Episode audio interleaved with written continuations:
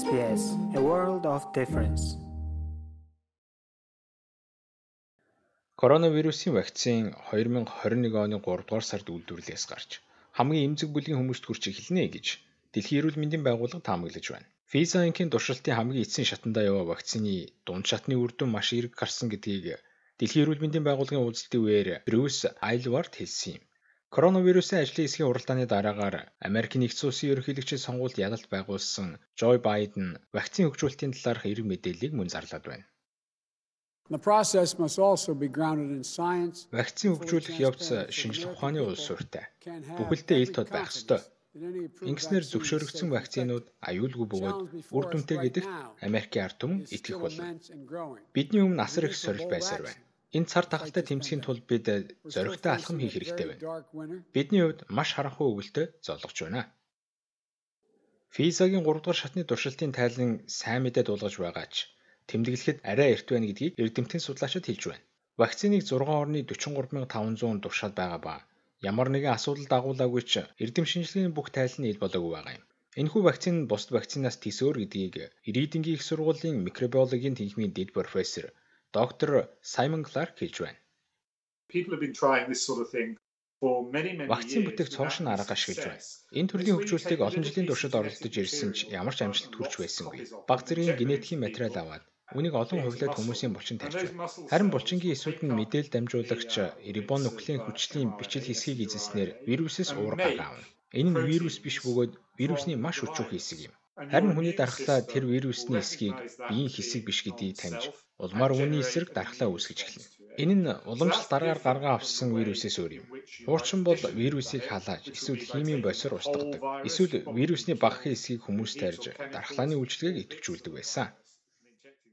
Америкийн нэгдсэн улсад COVID-19 сар дахлын 3 дахь давлгаа уламт хэлснээр коронавирусээр халдварласан хүмүүсийн тоо 10 саяыг давсан анхны улс болохтой зэрэгцэн энэхүү сайн мэдээ засагдлаа.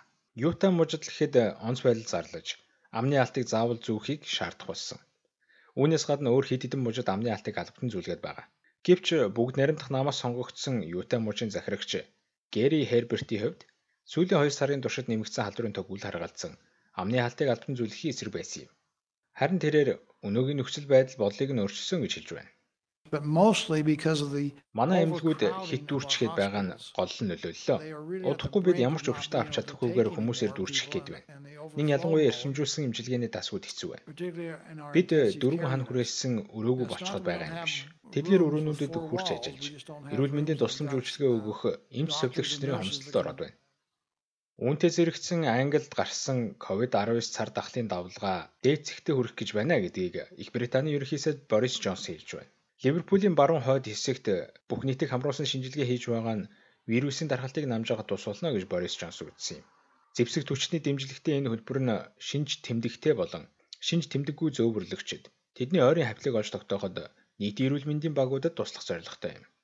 The death figures are rising Амиа алдаж буй хүмүүс нэмэгдсээр өдрийн дундаж 300 хүрээд байна. Энэ бол 24 хоногийн өмнө үетэй харьцуулахад хоёр дахин нэмэгдсэн тоо юм. Эмнэлэгт хүргэгдсэн ковид халдвартай өвчтнүүдийн тоо сүүлийн 14 хоногт бараг 3000-аар нэмэгдээд байна. Итали гэхэд Неаполисын эмнэлгийн ажилтнууд эмнэлгийнхэн гадна амьсгалын төхөөрөмжөөр хүмүүс тусалж байна. Эмнэлэгт хэвтэх шаардлагатай хүмүүсийг зөөвөрлөх төрөний дэргүүдийн дараал дээр хувийн автомашинтай хүмүүс нэмэгдээд байгааг юм. Эмнэлэгт хэвтэх ээлжийн хүлээн автомашинтайгаа дараал зогсох хүмүүст эмнэлгийн ажилтнууд хүчилтөрөгчийн баллон тарааж байна. COVID-19 цар дахлын дархалтыг зогсоохын тулд өнгөрсөн 7 хоногт танилцуулсан дөрвөн улаан бүсийнхээ хүрээг дэлгэр босноо Италийн засгийн газраас даваа гарагт мэдээллээ. Тус улсын хувьд халдвар авсан хүмүүсийн тоо 1 сая төгөд байгаа бөгөөд эрүүл мэндийн систем нь ачааллаа дийлхэ байсан гэдгийг Неаполисын оршин суугч Элиса Эспасито хэлж байна. Эрүүл мэндийн систем бүхэлдээ нуруу унж байгаа нь шившигтэй байдлыг бий болгож байна. Би аавгаа эрүүл мэндийн өөр шалтгаанаар эмнэлэгт үзүүлэхээр аваачсан чинь ковидгүй өвчтнүүдийн дасагт байхдаа коронавирусын халдвар авсан. Яаж ийм юм байж болдго юм бэ? Дэлхийн нөгөө тал буюу Малайзийн сөрөг хүчин халдварыг бууруулахад мөнгө төсөвлөхийн засгийн газраас шаардаж эхэлсэн бол эндхийн нийслэл шин дээлэд агарын бохирдол вирусын эрсдлийг нэмэгдүүлж байгааг эмчнэр хэлж байна.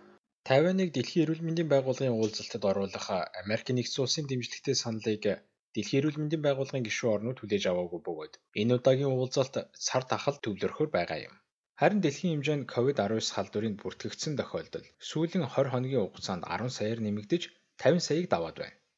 Хэрв та коронавирусын талаар цаг үеийн мэдээллийг их хэл дээрээ авахыг хүсвэл SBS.com.au ташуу зураас коронавирус саягаар зочлоорой. Үүнтэй адилхан бусад нэвтрүүлгийг сонсомоор байна уу? Apple Podcast, Google Podcast, Spotify зэрэг та өөрийнхөө сонсдог апп ашиглан манай нэвтрүүлэгтэй хавд байгаарай.